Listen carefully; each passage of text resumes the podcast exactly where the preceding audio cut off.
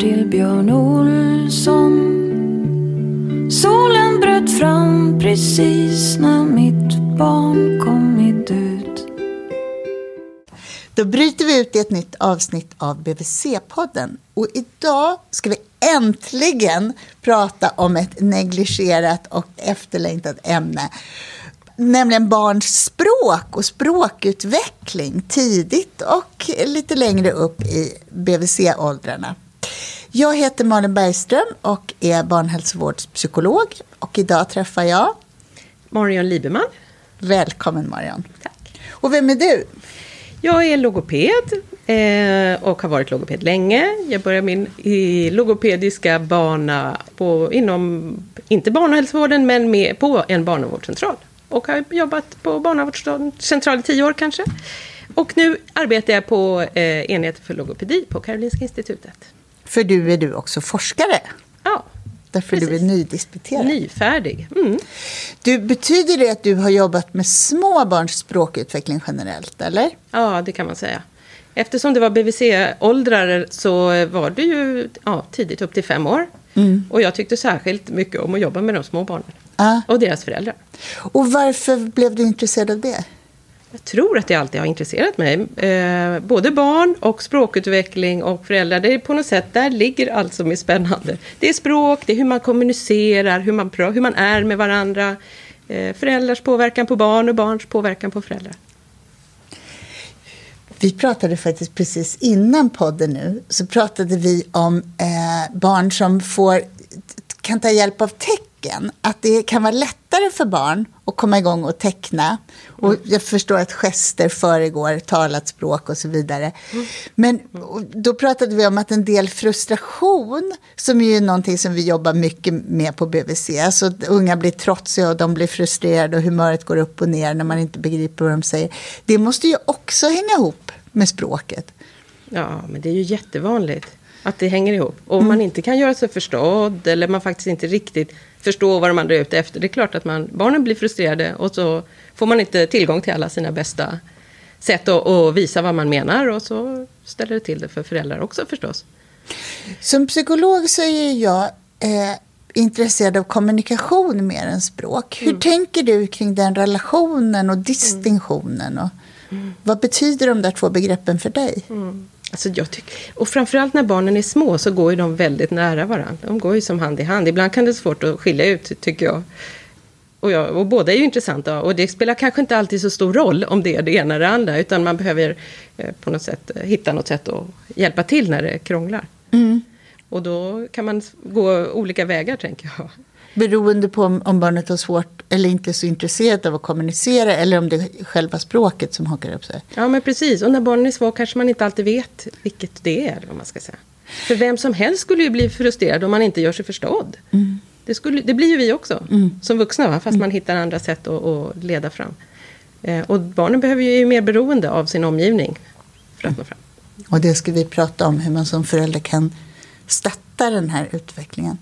Men jag ville börja med att fråga, vad, vad betyder det för oss människor att vi vill kommunicera? Vad, Är det en medfödd drivkraft? Är det liksom något väldigt grundläggande mänskligt eller däggdjursaktigt?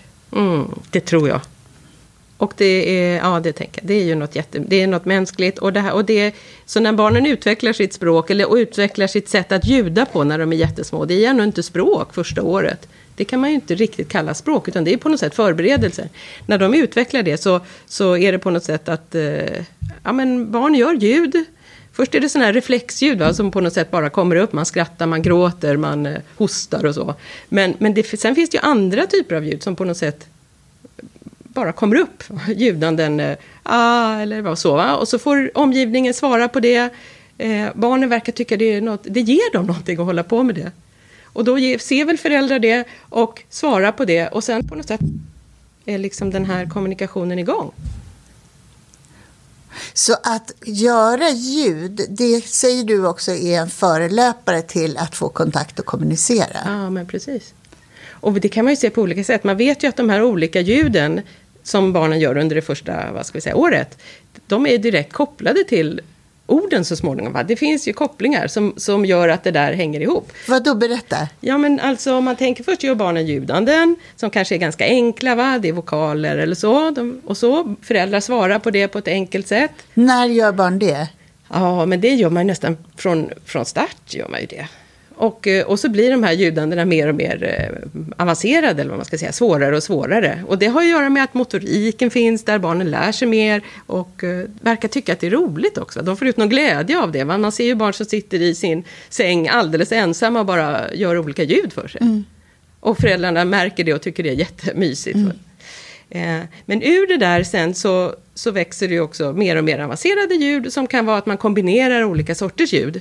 Kan du exemplifiera ja, med din egen ja, röst? Ja, alltså man gör ah, mm, och så här med olika intonation eller olika melodi som gör att det mm. också som också på något sätt barnet bara gör. Mm. Det finns ju ingen vuxen som gör, gör, låter på det sättet, så barnet på något sätt imiterar ju inte det, utan det är på något som, något som kommer ur barnet själv. Och där tycker jag det där att de laborerar med röststyrkan är också att man ja. ser att de, de, blir glada när det blir högre. Ja, ja, ja, ja visst. Och man så, på, det kan vara på bussen också, va? man hör något barn som skriker och, och föräldrarna säger inte så här, det stör lite grann. Så här. De flesta tycker det, det är ju mysigt. Ja. ja, det är mysigt. Och barnet de märker väl det, att man kan på något sätt låta olika. Och de hör själva hur det, hur det där låter och provar nya sätt hela tiden. Mm. Så det är liksom ett ganska så aktivt arbete. Och hur går hur går processen från att jag börjar upptäcka min röst på samma sätt som jag upptäcker mina händer eller mm. min förmåga att röra mig eller att jag stoppar mina tår i munnen och suger på dem. Mm. Alltså, hur går den processen att jag upptäcker min röst över till att mm, börja betyda att någonting smakar gott?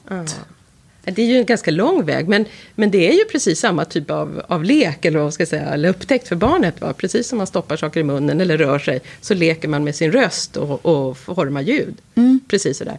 Uh, och sen precis som det är med motoriken, det blir mer och mer avancerat. Eller man ska säga. Men man förstår vad man ska ha det till, eller uppfattar vad man ska ha det till. Mm. Okej, okay. alltså från den där uh, vokalen, alltså där ah, eller uh, konsonanterna mm, som bara förekommer var och en för sig. Så börjar barnet så småningom kombinera olika typer, alltså kanske det som vi kallar för konsonanter va? och vokaler. Typ ma eller b, ba, da, da, da, da, da. Och sen är det liksom igång.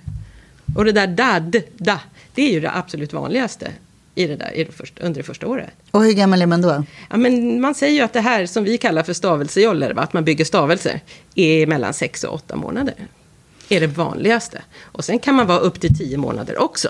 Men efter tio månader är det, är det, då brukar de allra flesta vara igång. Och då är det, så det är liksom steg två efter att jag säger mm eller ah, ja. att jag kombinerar på det där. Och det blir lite staccato Ja, det kan ju vara på massa olika sätt, men det viktiga är att det är en kombination, eller vad man ska säga, mm. att man har två olika. Och det är ju faktiskt grunden i alla möjliga språk. Man kan liksom inte säga ett ord utan att säga vokal och konsonant tillsammans. Finns inga sådana språk. Så och, utan det så är det svårt att bygga vidare. Och när det där kommer, är det, ser det olika ut eh, hos barn i olika delar av världen? Nej, det gör ju inte det. Just den där fasen, att Aha. man går över från de här uh, mm och ah till att kombinera till d, da, eller da, da, di, di, de här det är universellt. Det visar sig att det är lika över hela världen, vilken input så att säga man än har. Så, så det, den processen, där har man ännu inte börjat distingera? Man, man har börjat distingera hur barn, alltså det har man ju tittat på i olika experiment, hur barnen uppfattar ljuden. Så man vet att de uppfattar skillnad i det språket man hör runt omkring sig och andra språk som man inte känner till. Men när de, eh, barnen själv ska göra ljud, då är det på något sätt, då är det lika. Så någonstans så känns det lite som att det där är något universellt, uh mänskligt, som att unga börjar gå ungefär uh samma ålder över hela världen eller krypa. Att den här motoriska utvecklingen ser hyfsat lika ut. Liksom. Unga följer samma mönster och då tänker mm. man att det här är ungefär samma sak. Mm. Så Vad... tänker jag också. Och den fiffiga, eller man ska säga, eller det är ju att föräldrar märker den här skillnaden. När man, från att man gör de här kombinationerna som är på något sätt starten till att det ska bli ord de känner skillnad, eller hör skillnad omedvetet, eller vad man ska säga naturligt, eller instinktivt, eller så, va? mot de andra mm och ah. Så att föräldrar börjar eh, uppmärksamma dem på ett annat sätt. Och berätta hur. Och vad man, då har man sett att föräldrar svarar lite mera. Alltså eh, svarar med mer, eh, vad ska man säga, i leenden och blickkontakt. Men även, man svarar med, mm, använder andra ord, eller vad man ska säga. Man svarar på ett annat sätt. Så att då kan man tänka sig att vi intuitivt uppfattar det här som början till ett språk och går igång lite av det och blir lite glada. Jag skulle precis tro det. Men om, du ska, om man spelar upp klipp på hur barn jollrar eller hur de låter och, och har klipp med sådana här stavelsejoller. Så alltså, det är inte, man behöver inte ens vara i kommunikation. Man ser det på film och så, så alla börjar le och skratta. Och man liksom, mm, det, är jätte, det är precis så. Jaha, vad roligt. Mm. Och är det inte så, för din avhandling börjar ju med en jättegullig liten mening om hur ett bebis pratar med sin pappa och säger just det där da, da, da, da och han blev så här, men gud, sa du pappa? Ja. ja, men det är ju precis så. Alltså så tänker jag att gången är. Från de där eh, enkla ljuden till de där stavelserna. Och sen svarar omgivningen på det. Föräldrarna märker att det här är ett annat sätt och någon grund för något för orden och så svarar man på ett lite mer avancerat sätt. Och sen är det väl ingen slump att just de där pappa och da, daddy och mamma, och så, att det är bygg, de är precis på de orden. Mm. Eller de ljuden ska jag säga. Du, vad betyder det att jag som förälder får ge det här gensvaret när barnet... Mm. Är det viktigt att jag gör det eller spelar det någon roll? Mm. Nej, men jag tror att det är jätteviktigt under den här, alltså om man har en typisk utveckling, en vanlig utveckling, så tror jag att barnen lär sig ändå, så att säga. Eh, så det är inte avhängigt, det är inte det det bara bygger på. Men jag tror att det, det stöttar upp och hjälper barnet. Och också hjälper föräldrarna, för det blir på något sätt något meningsfullt, som ett utbyte som sker mellan dem. Mm. Som inte bara blir att man byter blick med varandra och att man ler åt varandra, som är ju mycket värt också. Men att det ändå blir med ett något så språkligt innehåll också. Mm. Mm.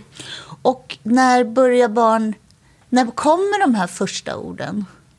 Är det, är det det här som du kallar stavelsejoller som vi sen uppfattar som mamma och pappa som är de första orden? Mm. Eller hur ser det där ut? Nej, men jag tror att det är så. Att det är de där första orden. Och det är ju ganska, om man frågar föräldrar i den där åldern, vad, har ditt barn börjat prata? Ja, ja, jag tyckte han sa mamma. Och, så, va? Och, då, och det kanske barnet sa. Sen vet man ju inte om barnet menade mamma eller inte. Men, men om föräldern tolkar det så, så klart barnet menar det. Och, och det, gör, det lär sig ju det då. Ja. För det att det gör... får ett svar. Va? Ja. Föräldern säger ja, alltså, mamma. det är klart, det jätte, betyder jättemycket. Mm. Och det, och det är så den där processen ser ut. Att när vi plockar upp och fångar vissa av deras ljud som de gör mm. och börjar referera det till någonting mm. som oss själva eller någonting i omgivningen. Då är det igång att de börjar distingera mellan olika ljud och så? Eller ja. Ta, ta... Ja, men jag tänker, då blir det ju en annan, eh, då blir det väl förstärkt, tänker jag, hos barnet. Va? Mamma, pappa sa det där. Eller syskonet, va? har ju också jättestor betydelse. Ja, syskonet eh, såg glad ut och sa likadant. Ja, men då gör man det en gång till. Mm. Och då gör föräldern det en gång till. Och så gör barnet det en gång till. Och sen eh, rullar det där på. Då har man på något sätt hamnat i någon sån där positiv cirkel där föräldrarna förstärker barnet och barnet förstärker föräldrarna. Finns det något element av att barnet börjar få någon nytta av det också? Att det inte bara är den här glädjen ja. utan... Nej men visst kan man tänka det. Och jag tänker, nu kommer jag, när vi pratar om det, så det hänger ju inte, det är inte bara ljuden och orden, utan det är ju tillsammans med blicken och tillsammans med pekningen som kommer ungefär. Där också ju, att barnet pekar och kan låta och, och, och då kan du få precis någonting som du kanske mm. tänker, va? då kan man få precis det där mm. man vill ha. Eller man kan få föräldern att faktiskt titta på det som man själv är intresserad av. Så. Jaha, ja, ja. Så ungefär... Att styra föräldrarna. Liksom. Så ungefär samtidigt med att det här att man sätter ihop två bokstäver, kan man säga ja. så? Mm. Stavelsejoller. Mm. Samtidigt så kommer pekandet. Mm, ja, men precis. Pekandet föregår lite grann, tror jag. Men, men i kombinationen, när det görs samtidigt, Uh. Så att det blir på något sätt i flera kanaler. Va? Det är både orden, det är blicken och det är gesten. Ja, då blir det jätteverksamt, eller vad ska jag säga. Mm. Jag tycker det är, det är så här bra bild för hur, både hur barnet är ganska bra på att kommunicera, fast det ännu inte säger så mycket. Och likaså, ja, men alltså ibland kan man få tips av det, tänker jag, när man ska prata med föräldrar. Om vad som är viktigt att göra. Så är det ju precis det, att göra så som barnen gör. Va? Blicken, och, någon, och minen, gesten och, och något ljudande eller ord eller så. då kan man på något sätt få, då når man fram i kommunikationen bra. Men nu beskriver du dels en liksom lite härlig interaktion där. Att vi, föräldern blir uppmärksam och positiv. Man använder liksom sin kropp och sin mimik. Och man börjar...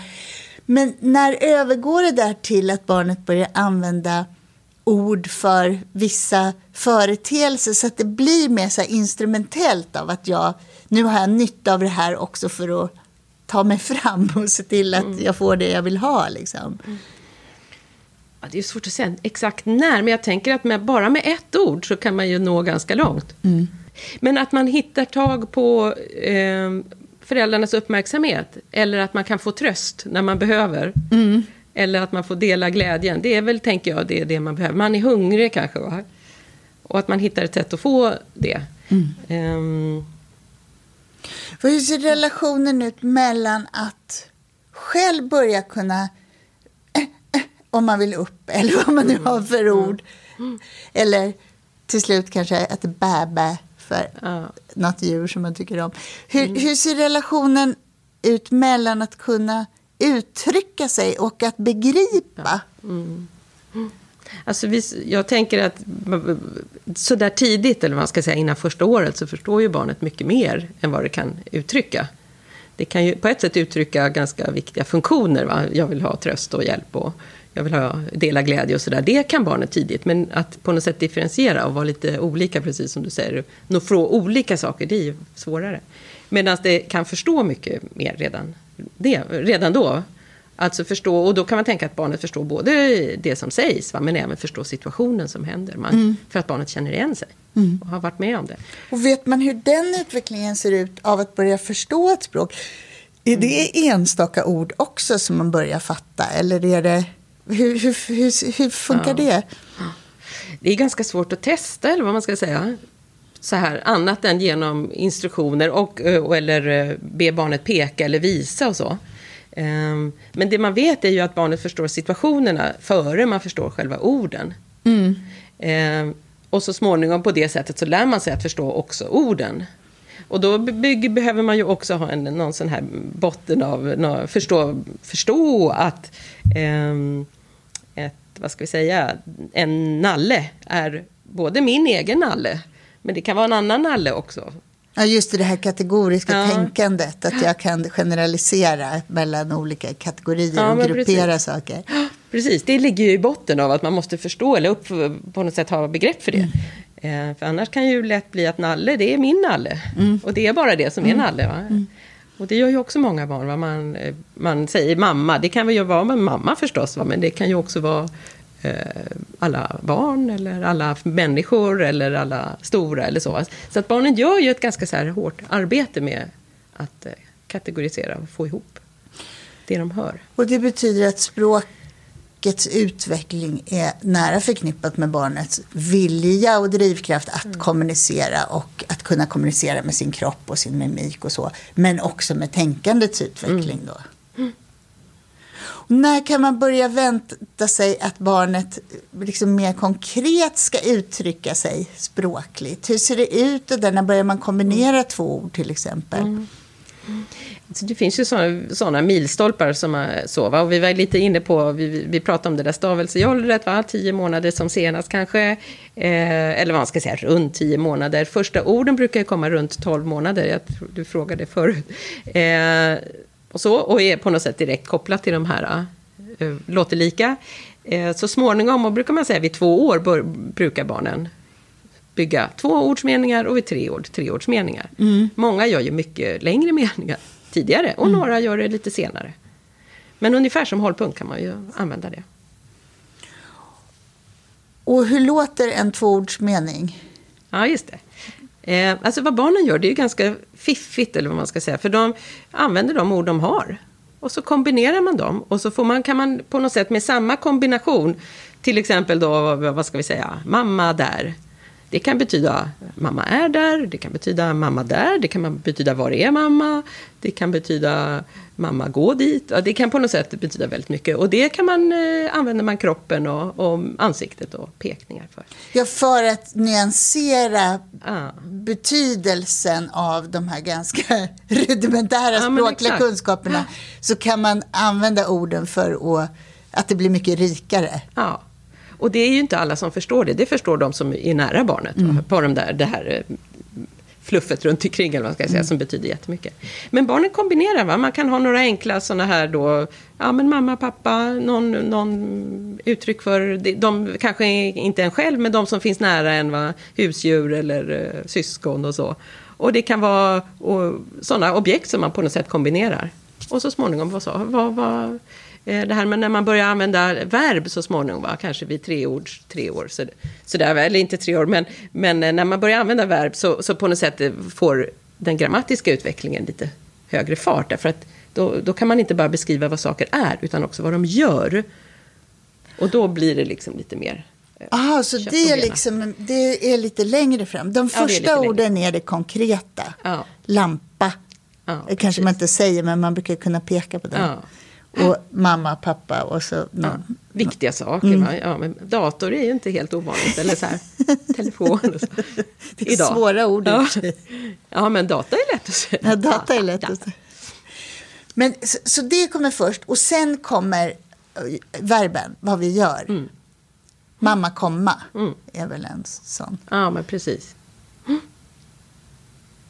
Och då är de inte böjda och sådär, va, utan då är det liksom grundformen Mm. för orden. Och det, det, det Hur snappar man det då? Ja, men visst är det... Ja, men man lär sig ju det därför att man hör vuxna säga det hela tiden. Men du, det där måste vi prata lite om grammatik. För man hör mamma säga mamma, komma. Eh, eller ordet, grundformen.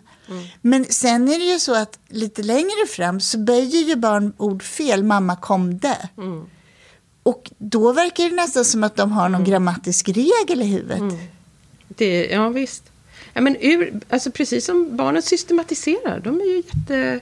När det fungerar som det ska vara. Att man gör systematik av det de hör. Från tidigt va, att man skiljer ut vilka ljud är viktiga, va, vilka ord är viktiga.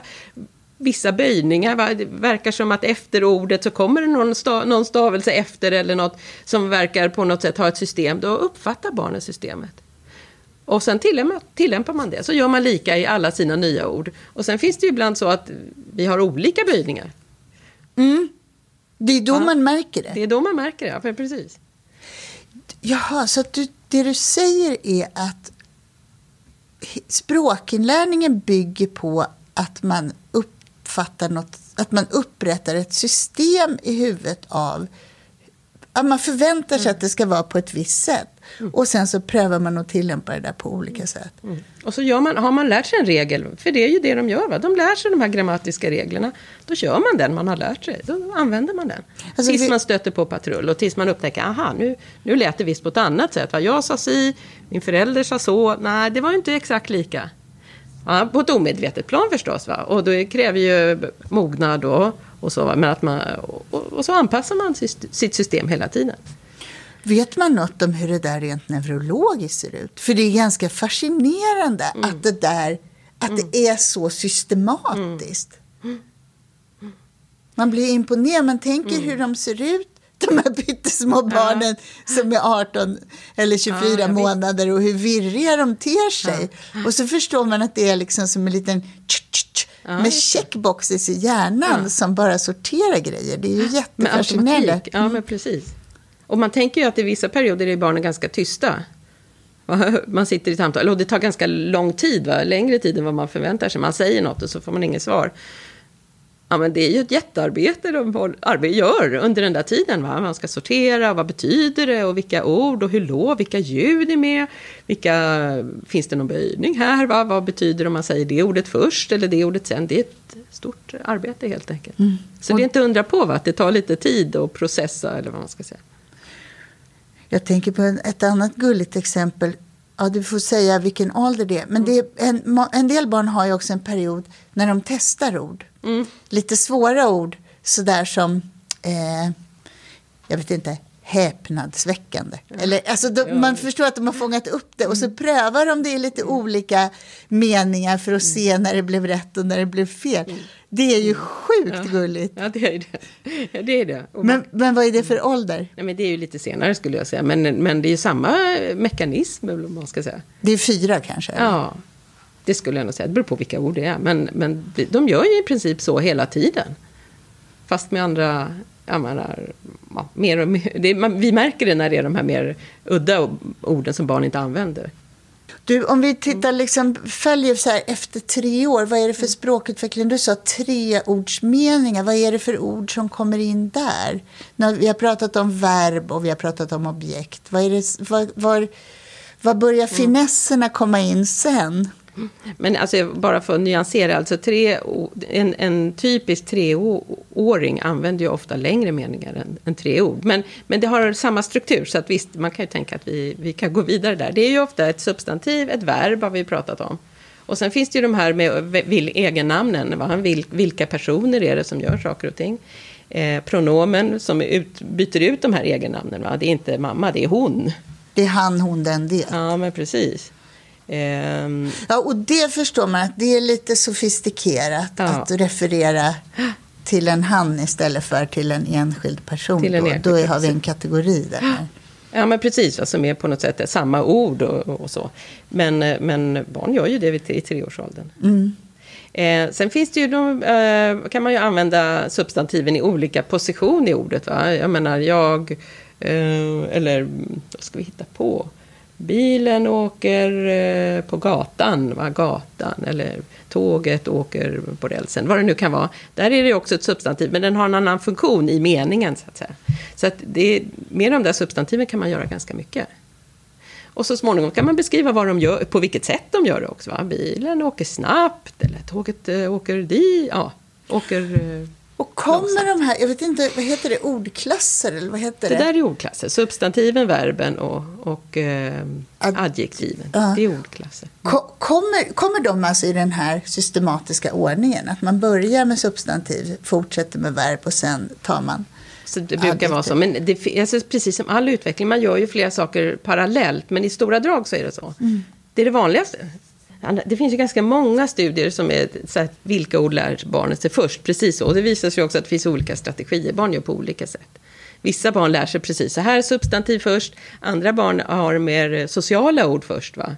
Som hej eller kom eller vad, vad det nu som på något sätt drar igång eh, den andra. Så det finns lite olika vägar att gå. Och så, så som man har sett. Jag sku, ja. Är det könsbundet? Ser flickors Eh. och pojkars språkutveckling likadan ut? Vad gäller ordförråd i, den där, i början? Nej, jag tror faktiskt inte det. Jag tror att det är ganska lika. Det är, det är förstås lite färgat av vad man är intresserad av. Så på då, så sätt så. Så att vilka ord kanske är könsbundet, men inte funktionen i dem, skulle jag säga. Men jag, kan, jag vet inte. Jag fortsätter liksom dra Mm. upp det här i åldrarna. Är- h- Händer det någonting med förståelsen av språket när man börjar skriva bokstäver? Många unga gör ju det redan i förskolan idag. Mm. Man träffar fyraåringar som kan skriva sina namn. Mm. På, hänger det där ihop? Läs och skriv? Men ja, visst, det hänger ju också ihop. Även om när man skriver i fyra år eller på något sätt, man kan ju lära sig att skriva bilden precis som man lär sig att rita ett typiskt hus eller vad man ska säga. Eh, och sen så småningom så kommer det också få en betydelse va, när man faktiskt kan särskilja eller vad man ska säga att b, å, t, b, å, b. Det där ljudet, det hör ihop med den bokstaven så att säga. Det är ju mer avancerat, men absolut hänger det ihop. Va? Det är ju en ganska... Eh, det, det finns ju en sån koppling mellan ord och språk och sen hur man lyssnar, va? hur man hör de här olika delarna i ordet och sen när man ska börja läsa och skriva. För det här ljudandet som du beskriver nu, b och t. Är det inte så att det där är, finns med redan tidigt när barn ska börja urskilja ord i ett talat språk? Att de plockar ut, jag menar så att språket inte bara är en böljande sång utan att eh, särskilja att det finns ord där. Men det är ju jättebra att du säger det, för det är precis så. Just, och det gör man ju den där första året egentligen. Det är jättetidigt. När barnet lär sig skilja ut av alla ljud som hörs, som, som på något sätt, som barnet uppfattar. Det, kan ju, det är flera människor som pratar samtidigt kanske. Ja, så barnet måste på något sätt sortera i hela den där vad man ska säga, ljudsignalen. Så är det ju både flera talare, det är olika melodi i rösten, va? det är olika eh, ljud. Och barnet måste på något sätt systematisera det också och göra någon kategori. Va? De här ljuden verkar görs på det här sättet va? och så provar barnet att låta så. Och de också uppfattar de här ljuden finns. Men de här och de här ljuden som jag kan göra va, i Sverige, ljudet, det är inget vi använder. Men barnen kan ju göra dem. Mm. Men ganska tidigt, va, första halvåret säger man ju, så gör, kan barnen göra alla ljud. Men då märker man att det här får jag inget för. Va? Det är ingen i omgivningen som svarar så med det ljudet. Då, då på något sätt tonas de det, då hämmas de. Alltså det är väldigt bundet av hur man har det runt omkring sig, vilken input man får. Ja, det är det ja. I den aspekten. För, mm. Och den där förmågan då att höra skillnad mellan olika ljud och, och på något sätt systematis systematisera det man hör, inte bara det man säger eller gör, den, den, ligger ju kvar och den kan vara en grund. Det kan ju vara så att det är också en grund till hur man sen lär sig ord va? Eh, och lär sig att säga dem. För att det bygger på den där grunden av att... Ja, men... ah, Okej, okay, jag förstår.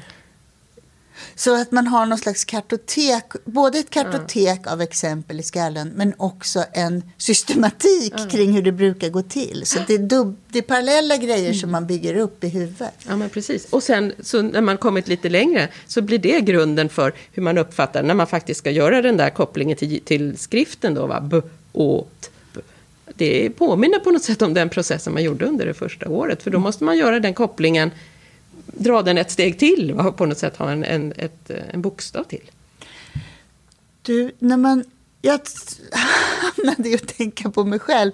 Hur man, om man ska lära sig främmande språk, mm. både som ung och som vuxen, hur det ju bygger på det språk mm. eh, jag, jag redan kan och hur jag försöker på, på samma sätt liksom översätta eller hitta en systematik och det kan skapa frustration om andra språk är uppbyggda på andra sätt och mm. sådär. Mm. Men hur är det för barn som har föräldrar eller som lever i en miljö där det talas flera språk? Alltså det är en sak att lära sig språk som vi vuxna eller, eller i skolan, för då ska man ju lära sig vad man ska säga uppifrån och ner, eller vad, då ska man ju på något sätt lära sig medvetet. Och det blir på ett helt annat sätt om man har det i sin hem, hemma på något sätt. För då bygger man upp det parallellt. Och, och, och systemet och hur, man, hur processen, hur man gör det är ju egentligen samma. Det är bara att det blir eh, kanske lite mer komplext eller vad man ska säga. För några ljud och eh, ord hör till den där gruppen och några hör till den. Så barn som är flerspråkiga från början, de vet inte att de är flerspråkiga. Det kommer långt senare att man inser att det finns, det här är två språk som ja, jag väljer mellan. Ja, om man har dem hemma samtidigt, ja. Mm. Ja, men precis. Då lär sig barn utifrån system också. Va? Den personen, pappa säger alltid på det där sättet. Ja, där, där får jag svar, eller vad man ska säga. Och mamma gör på ett annat sätt, eller hur det nu kan vara, va? farmor eller så. Är det komplicerat för barn att växa upp i miljöer med flera språk? Nej, jag tror inte det. Jag tror inte det, utan jag tror att det är i princip det är samma process. Va? Det är klart om man har en, en, någon typ av svårighet eller så, va? som man kommer med, som man föds med, då kan det väl komplicera det. Men, men även om man gör det så, så lär sig ju barnen. Därför att man har, därför, just därför man eh, också har ganska många tillfällen att träna på. Mm.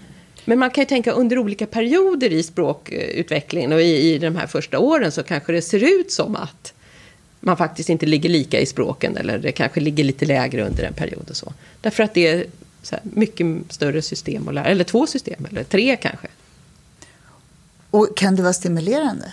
Och det säger man ju också, ja men absolut. Man säger ju det, att det kan stimulera språkutvecklingen. Och att barn som har flera eh, språk i den här tidiga miljön kan till och med lära sig snabbare. Och lära sig mer. För därför man ganska tidigt får eh, eh erfarenhet av att en sak kan låta på olika sätt. Uh. Det är ju bra. Men jag tänker också, det beror lite på hur, hur miljön ser ut runt omkring och hur så. Ja, hur påverkar det? Vi har pratat ganska mycket om vad man som förälder intuitivt gör. Mm. Men det är ju inte alltid ett, man är hemma. Två, man mm. är så himla intuitiv. Hur viktigt är det där?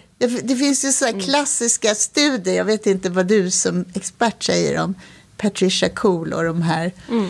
Eh, ska vi berätta vad det är för studie jag tänker på? När man lät studenter som pratade mandarin gå hem till amerikanska barn och leka med dem under all, andra halvåret i livet. Jag tror ungarna var runt nio månader.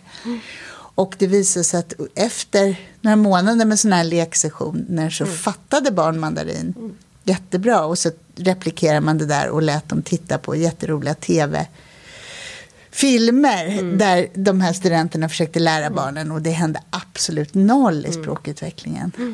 Är det där studier man fortfarande pratar om? Ja, eller? men visst. Ja, visst är det. Vad säger det där då? Hur tolkar du de där resultaten?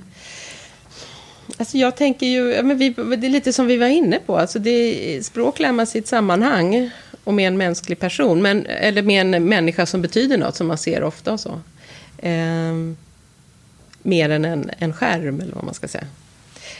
Eh, men det säger ju också att barn gör skillnad på ljud sådär tidigt och kan på något sätt lära sig. Det finns alla möjligheter att lära sig vilka språk och vilka ljud som helst med den stimulansen.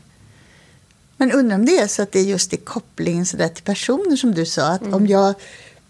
Så här låter det när pappa säger och så här låter det när någon annan säger det. Undrar om det var det också som var ett element i den där studien. Att det var personer som de lärde känna, de här små bebisarna. Ja, men, ja, det kan man ju tänka, absolut.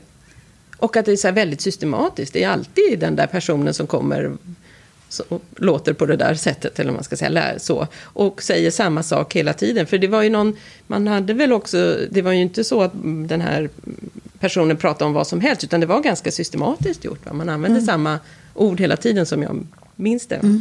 Det var nog som en bebisspråkkurs. Lite. Ja, men det var ja, precis. Kul idé. Ja, men precis. Att det var på något sätt, och det är ju så när man pratar om, om man pratar om det som barnet är intresserat av. Eller så, va? så att det är samma hela tiden, det är inte nytt. Då blir det lättare. Du, jag tänker när vi pratar om den här... Alltså det är ju ändå någon lyhördhet som behövs från föräldrars håll eller omgivningens håll eh, för att stödja barns språkutveckling. Hur är det på förskolan? Känner du som logoped någon oro över hur barn har i i förskolan? De börjar i snitt vid 18 månaders ålder i Sverige. Ja, jag, hmm, alltså jag, det är inget jag har studerat eller liksom har läst på extra, men man kan ju eh, tänka att det finns ganska stora skillnader, tänker jag, i olika förskolor. Och eh, jag tror att man har ganska stora möjligheter att påverka på ett bra sätt, men jag tror också det går att, eh, eh, vad man ska säga, inte stimulera, så att säga. Tänker jag, va? och det kan ha med barngrupper att göra och eh, Och det borde, och så. det borde ju rimligtvis ha att göra med kontinuitet med personalen och personaltäthet. För att när de är så där små så måste man väl vara rätt uppmärksam för att... Du sa så här, dadda. Betyder sju olika saker beroende på... Eller mamma kom betyder tio olika saker. För att då måste man vara rätt med om man ska snappa den där, vad barnet egentligen vill. Ja, men det, precis. Och det är ju jättesvårt om man inte känner barnen och inte är i barnens vardag hela tiden. Eller om man är väldigt många. Eller om man har barn med väldigt stora behov. Eller, i, så Eller med många kan vara. olika språk. Eller om barn har olika språk. Mm. Så att det är ju det, det jag tänker att det kan vara ganska olika. Men det ställer ju helt andra krav när barnen är små va, än när de är lite större. Jag får bara sån lust när vi pratar och tänka Alltså jag tycker det var så himla spännande det här du säger om den här systematiken i huvudet på de här pyttesmå barnen. Gud vad man vill att den ska få alla förutsättningar att blomma. När den finns, möjligheterna finns där inne. Så himla fascinerande system.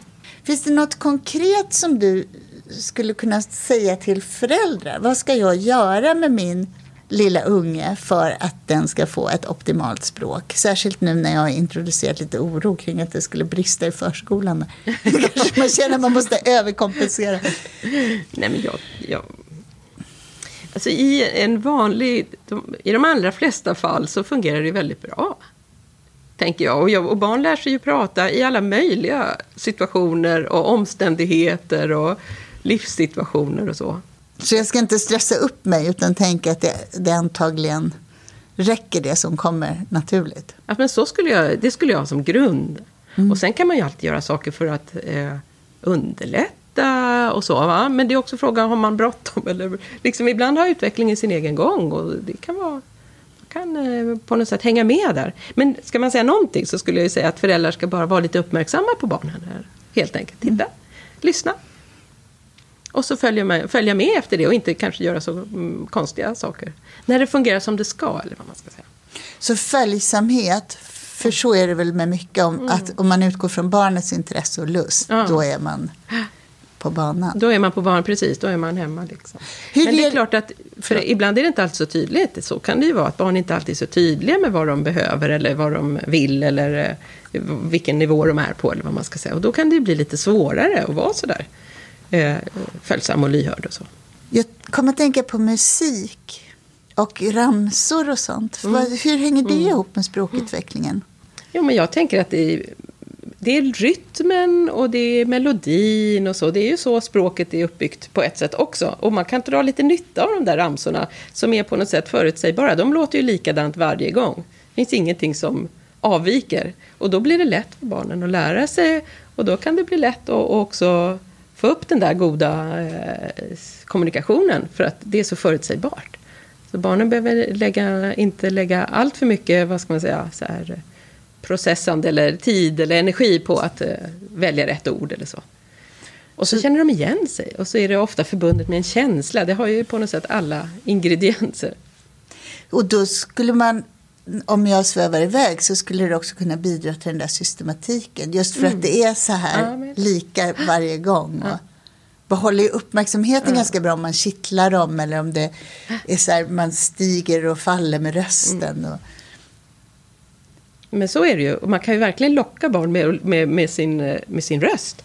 Och även få det att betyda olika saker och, och på något sätt fånga uppmärksamheten. Jag har en väldigt konkret fråga som gäller hur man ska göra som förälder och det gäller bebisspråk. Mm. Ska man prata bebisspråk med barn eller inte?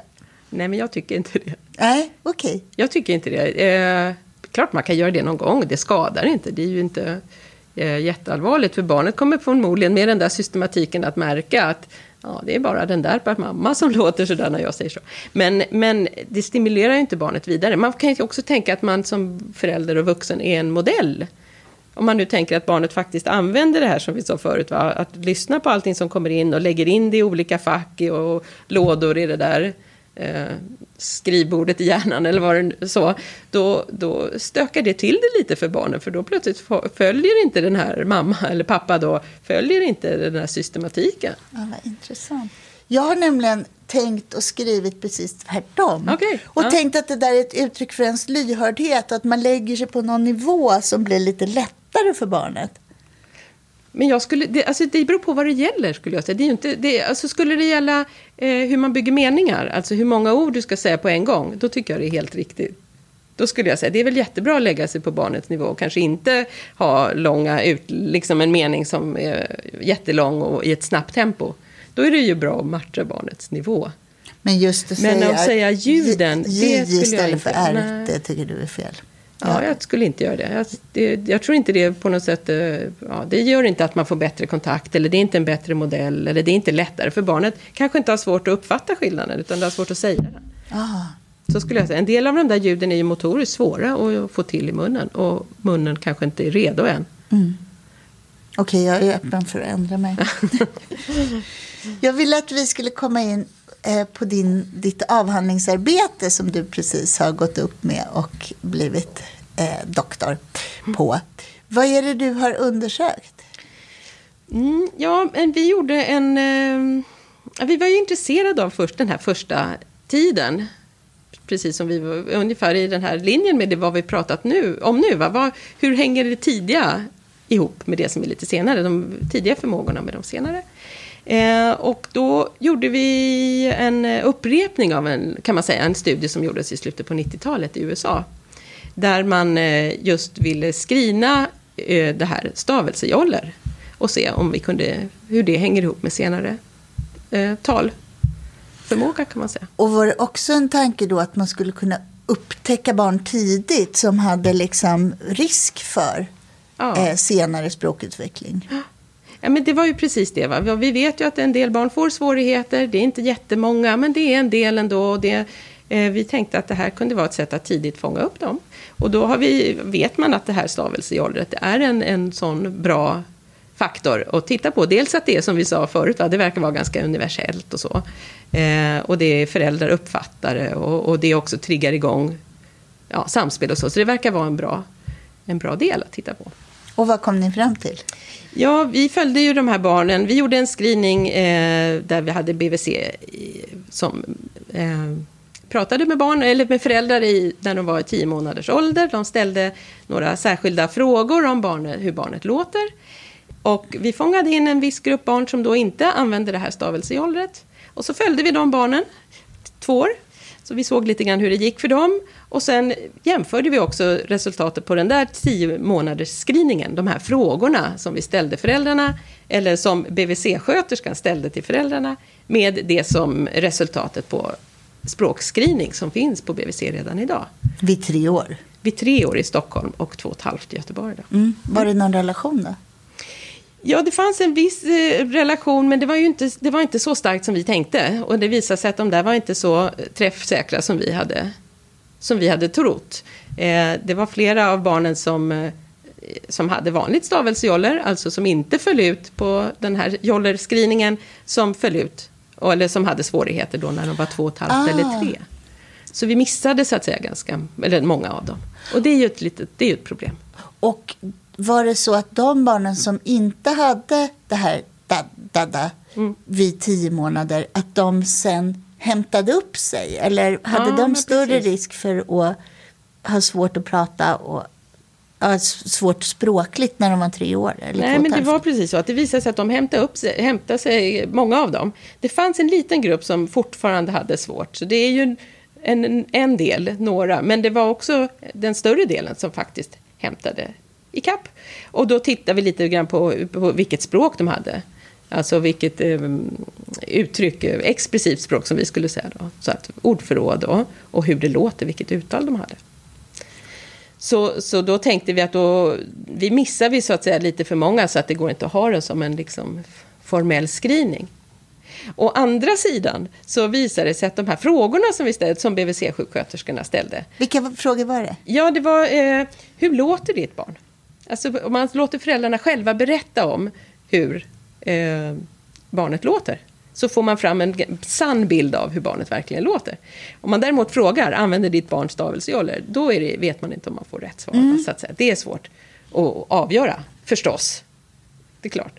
Men om föräldrar själva beskriver så, så får man också, då vet precis föräldrar hur det låter och då kan man lita på det. Så det visade våra resultat, att när vi sen undersökte de här barnen med en specialist, av en logoped, då var det verkligen så att föräldrarna hade rätt beskrivning av, så att säga, barnets tal.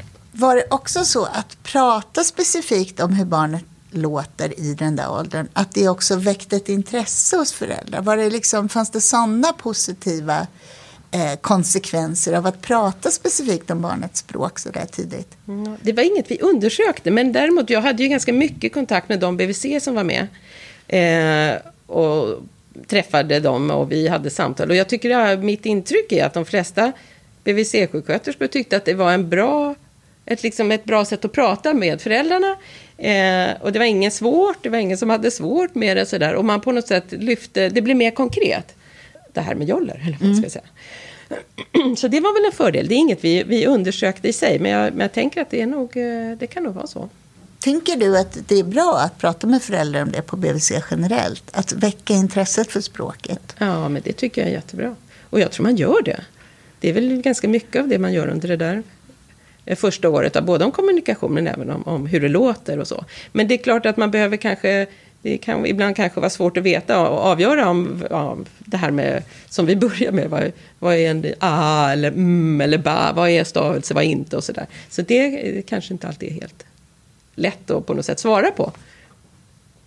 Du, vad hade hänt om barnen som eh, hade det här stavelsejollret tidigt och sen hade språkligt svårt när de var äldre?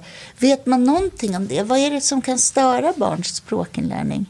Om vi tittar, den här gruppen, det var ju en liten grupp då som fortfarande hade svårigheter. Och, och när vi undersökte dem lite närmare så, Så när de var just tre år så såg vi att det var ju dels så att de hade svårt med sitt eh, ditt ordförråd, va? inte så mycket ord. De hade inte så utvecklat uttal va? och det betyder att de hade stora svårigheter. Va? De hade, använde inte speciellt mycket språk så att säga. Eh, men vi såg också att de hade svårt i sin allmänna utveckling. Mm. Så att det var inte egentligen var begränsat till, eh, till språket, utan att det där, det där tidiga, att de inte kom igång i, med sitt joller, eller så här, de här stavelserna, det kanske var ett tidigt tecken på att de hade en mer allmän försening av sin utveckling. Mm. Och man kan ju tänka, det är ju på ett sätt enkelt, va, de här stavelserna, men som vi sa, det är ju en, en komplex funktion. Eller en komplex förmåga. När det gäller att stimulera språkutvecklingen då, Marion, hur viktigt är det att läsa böcker och titta i bilderböcker tillsammans med barn? Mm. Men det är ju jätteviktigt, det fyller en viktig funktion och man har ju beskrivit att det faktiskt får ganska stor betydelse för barnets språkutveckling. Men eh, det man egentligen eh, har tittat på är ju hur man läser böckerna. Och inte bara att man läser, och då kan man göra det på många olika sätt. Eh, en del barn tycker ju om att sitta och bläddra och en del eh, gör kanske inte det och då kan man vända på boken och man kan prata om framsidan och så eller så. Det spelar egentligen inte så stor roll vad man gör utan jag tror att boken som funktion är bra för att den samlar uppmärksamheten. Och båda föräldrar och barn tittar på samma sak och, och pratar om samma sak. Men i, och man kanske säger samma sak varje gång för vid varje bild och det är det som hjälper barnen.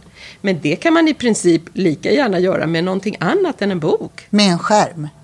Ja, med en skärm. Ja, grejen med skärm är att det händer saker hela tiden. De är rörliga bilderna och det blir olika saker. Så det är svårare att vara, att vara på samma sätt varje gång. Men om man tänker ett sånt där litet klipp som Bolibompa Baby ja, eller en, liksom, en Babblarna eller så som är. Ja. För de vill ju se samma grej om och om igen om där igen. också. Ja.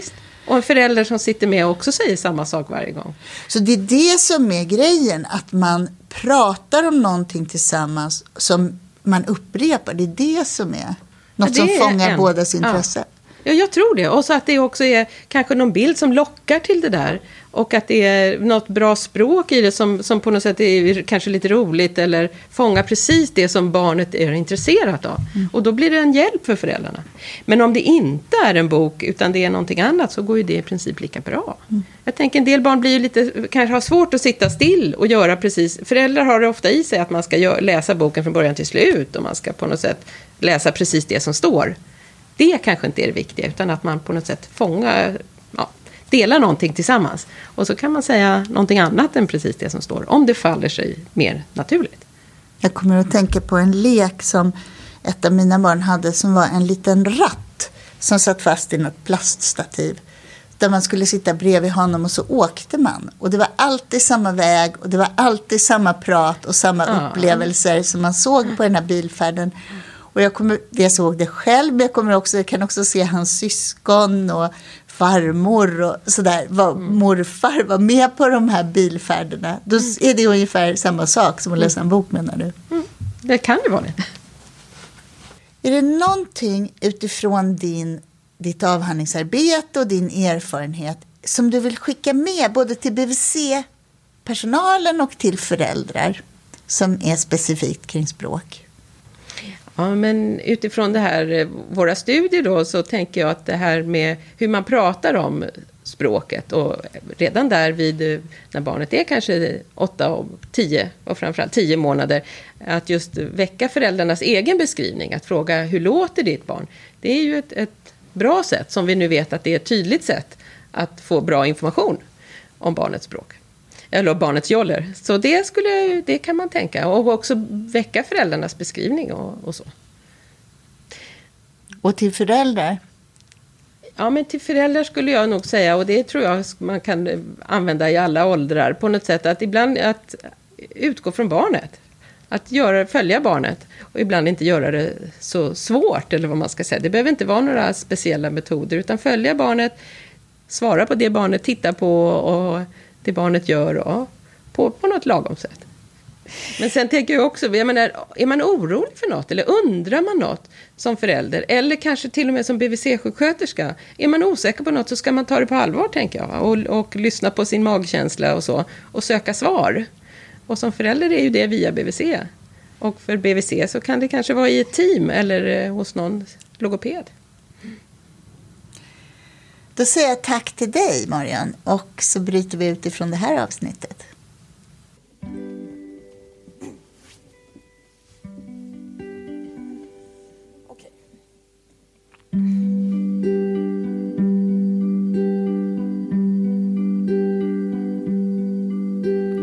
Födde barn till Björn Olsson Solen bröt fram precis när mitt barn kommit ut.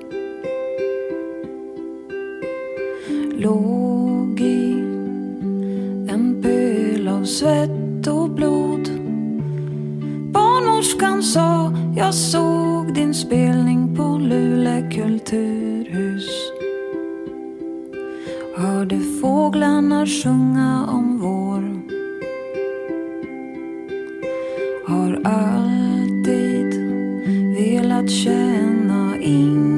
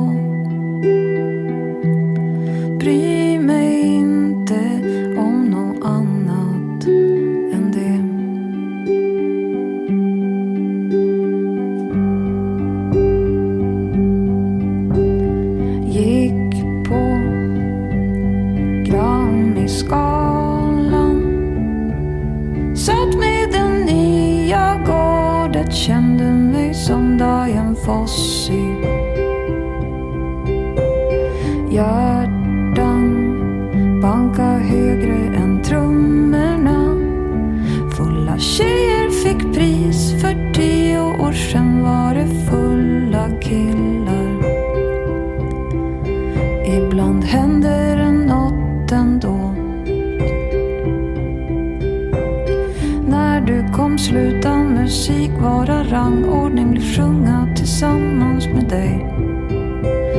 Din lilla röst ropar du var, du var, det är allt och jag som spelar till.